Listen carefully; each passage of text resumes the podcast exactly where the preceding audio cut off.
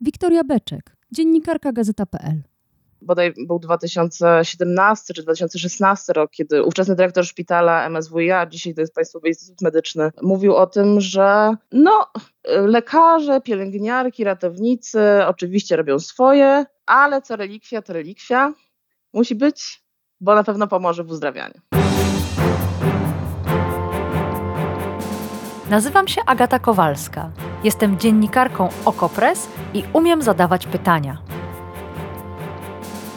Wciąż jeszcze wierzę, że świat można ponaprawiać, więc swoich gości, polityków i ekspertki pytam o rozwiązania. Swoje tematy dorzucacie i wy, słuchaczki i słuchacze powiększenia.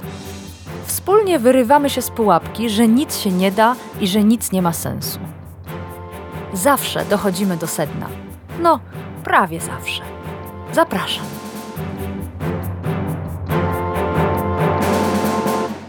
Kardynał Stanisław Dziwisz dokonał uroczystego poświęcenia relikwii papieża Polaka. Szczątki świętego Jana Pawła II umieszczone zostały w klęczniku w szpitalnej kaplicy. Tak w marcu 2019 roku relacjonował uroczystość portal Nowy Targ 24 TV.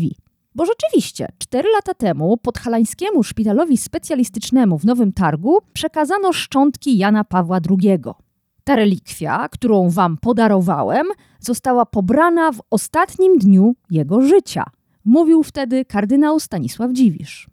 Brzmi makabrycznie? Dzisiaj w powiększeniu przyjrzymy się rynkowi relikwii. Między innymi sprawdzimy, czy można go nazywać rynkiem. Zapraszam.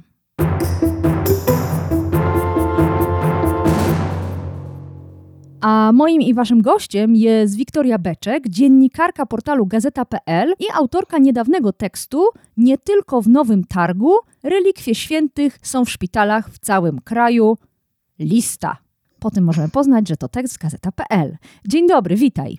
Cześć, dzień dobry. Zanim lista, to porozmawiajmy o tym, czym są relikwie. Choćby na przykładzie ciała Jana Pawła II. O jakiej relikwii pobranej w ostatnim dniu życia Karola Wojtyły mówił Dziwisz? Wydawałoby się, że tak też wskazywałby łaciński źródłosłów, że reliquiae to pozostałości, resztki. Więc czy wiadomo, co tak naprawdę spoczywa w klęczniku kaplicy szpitala w Nowym Targu? No właśnie, w większości przypadków relikwie osób świętych są pobierane długo po ich śmierci tu w przypadku Jana Pawła II chodzi, jak nie mam, o krew, czy o krople krwi, która faktycznie została pobrana, nie wiem czy w ostatnim dniu, ale w ostatnich dniach, powiedzmy, życia papieża. Watykan twierdzi, że była to krew potrzebna do transfuzji. Nie sądzę, żeby papież w ostatnich dniach swojego życia oddawał komuś krew, więc jak rozumiem, była to krew pobrana do zrobienia próby krzyżowej. Więc powinna to być bardzo, bardzo niewielka próbka. Teoretycznie, czy jak twierdzi, jak twierdzi Watykan, są to cztery fiolki krwi i dwie z nich należą do kardynała Dziwisza i on nimi rozporządza. Wciąż uważam, że brzmi to makabrycznie, ale ponieważ te relikwie między innymi spoczywają w publicznych szpitalach w Polsce, to uważam, że ten temat nie powinien być omawiany wyłącznie na łamach teologicznych czasopism, ale może być również w powiększeniu. Próbujmy zrozumieć więc dalej. Pan Patryk, słuchacz powiększenia, pyta na Twitterze, kto decyduje o tym, jakie części ciała zostają relikwiami? Czy relikwią może zostać lewa powieka, paluch u prawej stopy albo fragment pośladka? Decyduje o tym specjalna komisja. To jest wszystko wyłożone w instrukcji, którą stworzyła Kongregacja Spraw Kanonizacyjnych kilka lat temu, bodaj pięć lat temu. To jest taka komisja, którą tworzy biskup. Ona się składa między innymi z e, kilku osób wiernych jako świadków, ale też osób, które zajmują się medycyną sądową. Wówczas pobierane są szczątki z dotychczasowego miejsca spoczynku i wypreparowane zostaje jakaś ilość tych relikwii. Natomiast w związku z tym, że zwykle ten proces kanonizacyjny trwa i trwa i trwa i trwa, to osoba zostaje świętą wiele, wiele lat po śmierci. Więc są to głównie kości po prostu, siłą rzeczy. W dotychczasowym miejscu spoczynku zostają same kości, więc z tych kości pobiera się te relikwie. Według tej instrukcji Watykanu to mają być małe cząstki. nie można na przykład odciąć czy wypreparować całej ręki czy całej głowy. Więc zwykle są to kości i po prostu takie części ciała jak pośladek już po prostu u osoby zmarłej nie istnieją. O tym pośladku to podejrzewam, że słuchacz trochę żartował, ale w sumie nietrafnie żartował, dlatego że jedną z relikwii czczonych przez wieki w kościele był święty napletek, czyli resztki po obrzezaniu małego Jezusa Chrystusa. Święty napletek miał swój własny kult, i święto. 1 stycznia obchodzono święto obrzezania pańskiego. Kult ten zlikwidowano dopiero na II Soborze Watykańskim w 65 roku. Ale jednocześnie sam rynek relikwii, bo tak wciąż jeszcze go będę nazywać, jeszcze się będziemy zastanawiać, czy to trafna nazwa, pozostał.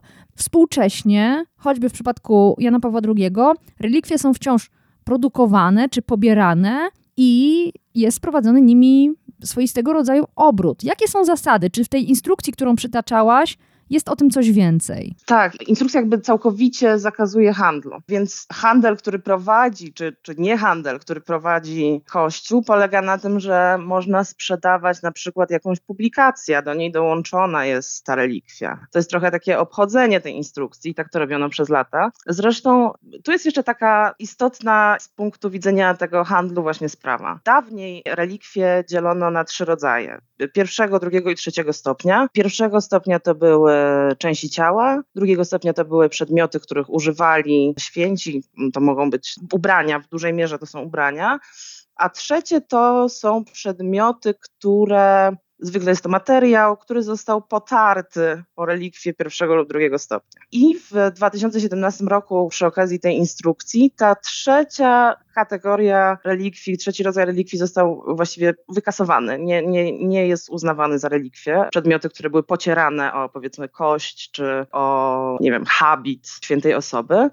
Natomiast to nie jest do końca uznawane przez instytucje kościelne i na stronach internetowych wielu kościołów czy innych instytucji można nadal zobaczyć, że ta trzecia kategoria relikwii jest cały czas jakby uznawana i trzecia kategoria relikwii jest cały czas bardzo dostępna w handlu. Jeśli pozwolisz, fragment reportażu o relikwiach, który ukazał się kilka lat temu w dużym formacie, Święty z możliwościami, Olimpii Wolf. Bierzemy wstążkę nawiniętą na rolkę, otwieramy relikwiarz, pocieramy o kostkę i potem tniemy wstążeczkę na kwadraciki, pół centymetra na centymetr. Na obrazeczku z przodu jest zdjęcie świętej Tereni, a z tyłu jest okienko i tam wklejamy wstążeczkę. Tam też jest napisane materiał otarty o kości świętej Teresy od dzieciątka Jezus. To taka relikwijka. Wyjaśniała na łamach dużego formatu siostra zakonna z Łodzi, która zajmowała się tym procederem. Czyli te relikwijki zostały przez Kościół odarte ze świętości, z ważności. Tak. Właściwie dlaczego? Tak.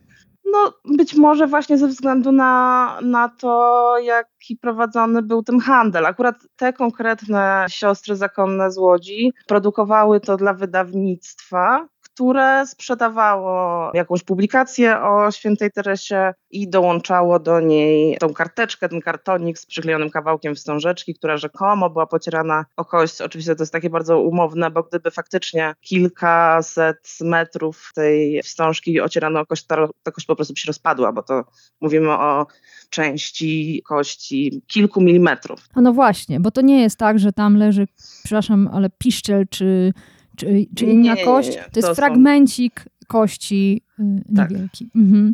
Pan Szymon pyta, dlaczego Kościół zarabia na relikwiach, na co przekazuje pieniądze z nich uzyskane? No więc Kościół oficjalnie na relikwiach nie zarabia i w związku z tym nie wiadomo na co przeznaczy te pieniądze. Czy zarabia na tym właśnie tak troszeczkę bokiem, czyli sprzedając inne rzeczy, dołączając do nich relikwie? Być może tak, być może jest to bardziej inicjatywa poszczególnych, powiedzmy, zakonów, które posiadają relikwie, czy też prywatnych osób, bo jeśli chodzi o taki handel prywatny, no to on jest bardzo mocno rozwinięty i to są ogromne sumy. Tu naprawdę można nieźle zarobić. No właśnie, tutaj słuchacz mi podesłał, bardzo dziękuję Wam wszystkim za zaangażowanie. Zawsze przed audycją zapowiadam temat na Twitterze i tam dyskutujemy i dostałam właśnie od słuchacza link do oferty internetowej z relikwią świętego Stanisława Kostki. Jest to relikwia, która powstała w XIX wieku. Jest tu pieczęć, jest y, taki obrazek, chyba haftowany wręcz. Ceny wprawdzie nie ma, ale sprzedawca jest z Belgii i zachęca do kontaktu i zasięgnięcia większej ilości informacji. To ile taka relikwia z XIX wieku z fragmentem szczątek świętego Stanisława Kostki może kosztować? To myślę, że to, to są kwoty rzędu tysięcy złotych, tak? To może kilku, kilkunastu, nawet kilkudziesięciu, bo i takie oferty widziałam choć te kilkudziesięciu tysięcy złotych to dotyczą raczej Jana Pawła II. Widziałam za ponad 30 tysięcy złotych różaniec, który został rzekomo przekazany rodzinie, kiedy Jan Paweł II był jeszcze kardynałem. Można też dostać oczywiście tańsze, czyli na przykład jest to kawałek ubrania papieża. To też jest kilkaset, kilkaset złotych co najmniej. Tak, w tym reportażu, który już wcześniej cytowałam, mowa była nawet o wydawaniu pojedynczych nitek z płaszcza czy z sutanny y, jako tych relikwii, ale to zostawmy, dlatego że można by się oczywiście tutaj upierać, że słowo y, czy pojęcie rynek relikwii jest prawidłowe, ale moim zdaniem clue sprawy nie leży w pieniądzach, tylko w czymś zupełnie innym. Cytowany przeze mnie kardynał Stanisław Dziwisz w czasie tej uroczystości w 2019 roku mówił o tym, że podarował szpitalowi relikwie. I może rzeczywiście tak było. Pytanie brzmi, co Kościół z tego ma, jeśli nie pieniądze. I tu chciałabym spojrzeć na listę szpitali, którą umieściłaś w tekście na gazeta.pl. Są to szpitale, które posiadają relikwie. Jak tą listę stworzyłaś? Czy szpitale podają do publicznej wiadomości, nie wiem, może w dziale dla pacjenta, tak, informacje. Tak. Mhm, jak to wygląda? To są, to są, często, często tymi informacjami szpitale się po prostu same chwalą, albo mają osobną stronę kaplicy, swojej kaplicy, jeśli ta kaplica jest jakoś wyjątkowo ważna, albo właśnie ma jakieś wyjątkowe relikwie, a często niektóre szpitale mają nawet po, po kilka relikwii kilku świętych. Ale tak, to są ogólnodostępne informacje. Tutaj jakby po prostu je zebrałam dość długo, przeszukując strony wszystkich możliwych szpitali. Natomiast na pewno tych relikwii jest więcej, dlatego że część szpitali być może się nie chwali, to część ma po prostu bardzo takie proste, bardzo strony internetowe, więc, więc pewnie po prostu takiej zakładki tam nie ma, ale, ale część szpitali bardzo się chwali. Zresztą są i szpitale, które y, mają całą długą opowieść na ten temat, o tym jak dyrektorzy zdobywali te relikwie, czy jak tworzyli kaplicę, którą zresztą muszą tworzyć, bo takie jest prawo, to wynika z ustawy o stosunkach Polski i Kościoła katolickiego. Jest też, bodaj był 2017 czy 2016 rok, kiedy ówczesny dyrektor szpitala MSWiA, dzisiaj to jest Państwowy Instytut Medyczny, mówił o tym, że no, lekarze, pielęgniarki, ratownicy oczywiście robią swoje, ale co relikwia, to relikwia. Musi być bo na pewno pomoże w uzdrawianiu. Więc są szpitale, które bardzo, bardzo się tym chwalą i no, widzą w tym jakąś specjalną moc. To, to, to przy okazji odpowiada na moje pytanie, po co szpitalom relikwie? Rozumiem, że.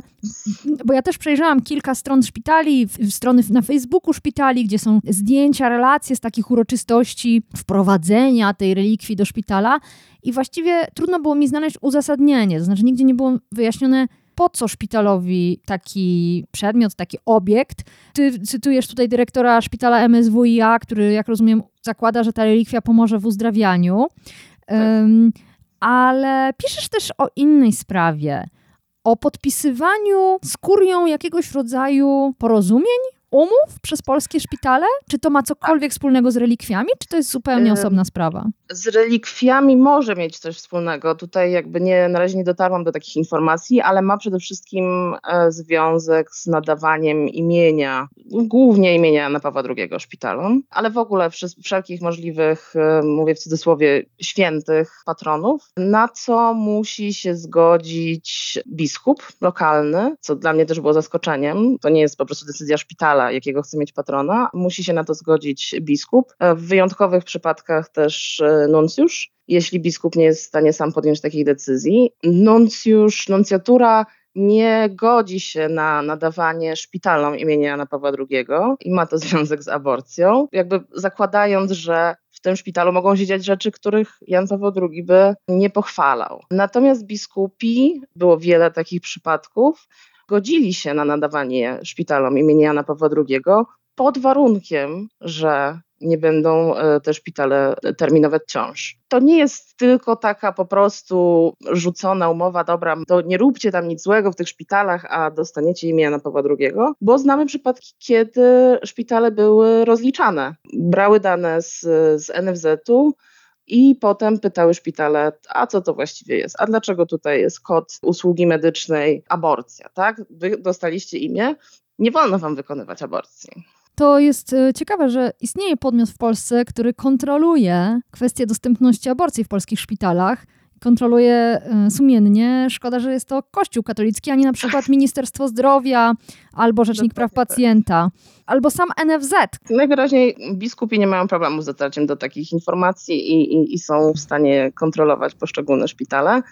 Nie mówię, że to było, to było masowe zjawisko, być może to były przypadki pojedyncze, ale wiemy, że, że były i że takie zobowiązania, wcześniej takie zobowiązania przy nadawaniu po prostu dyrektorzy, dyrektorzy brali na siebie. Ta lista, którą publikujecie, czy ona ma jakieś znaczenie dla pacjentów? Czy ona o czymś świadczy? Czy widać na niej, jak to się czasem żartuje, zabory? Czy da się z niej coś wywnioskować? Zaborów nie widać. Widać, że Mazowsze i Małopolska są bardzo, bardzo, tam jest bardzo dużo relikwii. W Warszawie to jest naprawdę co, co, co drugi szpital, wydaje mi się, ma relikwie i to może, nie musi, ale może o czymś świadczyć. To znaczy, Gdyby było tak, jak ja sobie wyobrażam taką zupełnie neutralną sytuację, że jest jakaś kaplica, to jest taka kaplica powiedzmy jak na lotnisku, taka ekumeniczna, gdzie każdy może się pomodlić. Jest to w pełni zrozumiałe. W szpitalu są trudne emocje, część osób potrzebuje kontaktu z siłą wyższą, to jest dla mnie absolutnie zrozumiałe. Nie miałabym z tym najmniejszego problemu, natomiast wiemy, jak to wygląda realnie w szpitalach. To znaczy, po pierwsze, to są kaplice rzymskokatolickie i rzymskokatoliccy kapelani, którzy nie tylko przyjmują w tych e, kaplicach, nie tylko tam jakby mają, mają swoją jakby część w tym szpitalu, ale w zasadzie no, wędrują po szpitalu. Niekoniecznie pacjenci muszą, muszą sobie tego życzyć. Napomknę może tylko, że ci kapelani są zatrudniani przez szpital, bo to też wynika z tej ustawy o stosunkach e, Polski z, z Kościołem katolickim. To są kapelani narzuceni przez biskupa, którym szpitale muszą płacić. I ci kapelani po prostu są bardzo roz, proszeni po szpitalu. To zresztą działo się też, czy dzieje się też z relikwiami, bo znalazłam kilka takich, co najmniej kilka takich opisów, gdzie szpitale też chwaliły się tym, że nie tylko w kaplicy e, relikwie są, ale też są na przykład stawiane w dyżurce pielęgniarskiej, są stawiane w gabinecie siostry oddziałowej. Peregrynują, jak święte obrazy. Peregrynują, -hmm. dokładnie -hmm. tak. -hmm. Pytałam o to, czy to jest jakiś sygnał dla pacjentów, bo z jednej strony można przychylić się do opinii dyrektora szpitala MSWiA, który mówił o tym, że zwiększa to szanse na zdrowie. I są pewnie tacy, którzy w to wierzą i których obecność relikwii, kaplic czy duchownych uspokaja. Ale wiemy też, że Równie dobrze może być to sygnał dla pacjentek, że w tym szpitalu nie przerywa się ciąży, nawet jeśli ta aborcja miałaby ratować zdrowie lub życie. Może jeszcze o czymś to może świadczyć. No właśnie, ja bym się bardzo, bardzo obawiała tej kwestii, kwestii aborcji, bo o ile w pełni rozumiem to, że, że ktoś potrzebuje um, jakiegoś symbolu, jakiegoś miejsca, jakiegoś, jakiejś osoby, z którą, z którą potrzebuje porozmawiać w szpitalu, gdyby to było tylko tak, super. To, czego ja bym się bała, to właśnie, to właśnie tego, że będzie problem w razie, gdyby wystąpiło narażenie zdrowia lub życia, będzie problem z, z terminacją ciąży i tutaj szpitale nie są takie otwarte, żeby o tym mówić, żeby mówić nie, my nie przerywamy ciąży, nie robimy aborcji, nie przyjeżdżaj do nas, bo w razie gdyby coś ci się działo, gdyby właśnie nastąpiło bezwodzie czy do, dowolna inna wada, która zagrażałaby, zagrażałaby mojemu życiu, to wówczas my ci nie pomożemy. No z drugiej strony może to jest tak, że Wielokrotnie różnego rodzaju działaczki, również posłanki domagały się, żeby w szpitalach była jasna informacja, którzy lekarze udzielają pełni świadczeń ginekologicznych, a którzy zasłaniają się klauzulą sumienia. Wiemy, że w Polsce istnieją całe szpitale objęte klauzulą sumienia i może zamiast tej informacji dostępnej w widocznym miejscu Wystarczy sprawdzić listę szpitali posiadających relikwie. No tak, bo nawet jeśli mamy tam lekarza, który nie powoła się na klauzulę sumienia, ale jednocześnie cały szpital rękami dyrektora czy, czy, czy jakiejś szerszej rady osób stwierdza, że no, my mamy relikwie, czy mamy patrona Jana Pawła II, czy dowolnego innego świętego, więc nie robimy aborcji w naszym szpitalu, no to nawet ten ostatni sprawiedliwy lekarz nic nie pomoże. A może być też tak, i przecież znamy bardzo głośne takie przypadki, kiedy lekarze powołujący się na klauzulę sumienia, którzy mają obowiązek wskazać innego lekarza, wskazać miejsce, gdzie osoba otrzyma odpowiednią opiekę, e, zwlekają z tym.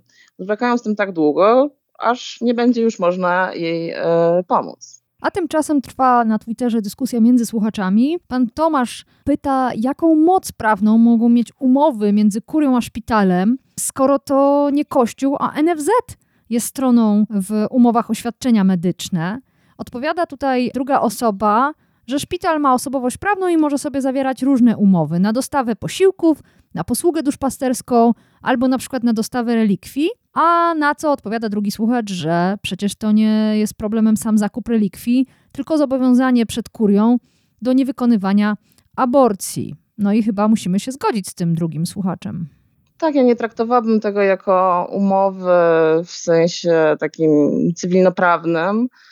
Raczej traktowałabym to jako zobowiązanie, tak? I tutaj myślę, że dyrektor szpitala czy cały szpital raczej obawiają się tego karcącego palca biskupa, a nie konsekwencji prawnych, no bo też jakie mogłyby być? No, mogłoby to być na przykład odebranie relikwii, odebranie imienia patrona, ale kuria nie płaci szpitalowi za wykonywanie e, konkretnych zabiegów, więc myślę, że to jest raczej obawa przed konsekwencjami typie skandalu w dalej lokalnej społeczności. To jest też ciekawe, jakiego języka używamy, jak zastanawiamy się nad problemami, które mogą dotknąć szpital, bo zacznie wykonywać wszystkie legalnie dostępne zabiegi e, w no Polsce.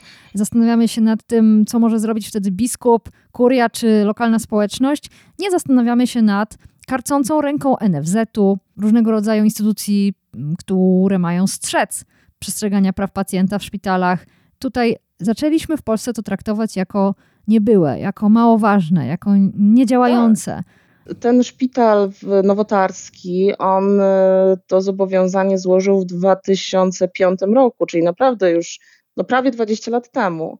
I do tej pory nie został doprowadzony do porządku przez NFZ nikt nie nakazał szpitalowi po prostu wykonywać zabiegów, do których są zobowiązani po prostu jako placówka medyczna. Przez 20 lat po prostu funkcjonowała jako ważniejsza umowa z biskupem, mimo że już zmieniali się dyrektorzy tej placówki i pewnie biskupi, była ważniejsza niż umowa z Narodowym Funduszem Zdrowia.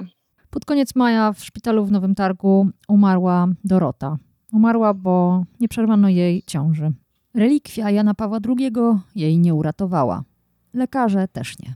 I tym e, kończymy ten odcinek powiększenia. Wiktoria Beczek, dziennikarka portalu gazeta.pl, autorka tekstu Nie tylko w Nowym Targu. Relikwie świętych są w szpitalach w całym kraju. Bardzo Ci dziękuję za to spotkanie. Dziękuję bardzo. I Wam dziękuję za wysłuchanie tego odcinka powiększenia. Jeśli macie uwagi, pytania, własne opowieści o szpitalach i religii, o lekarzach i relikwiach, o zdrowiu i śmierci, to piszcie agata.kowalska małpa oko.press. I do usłyszenia.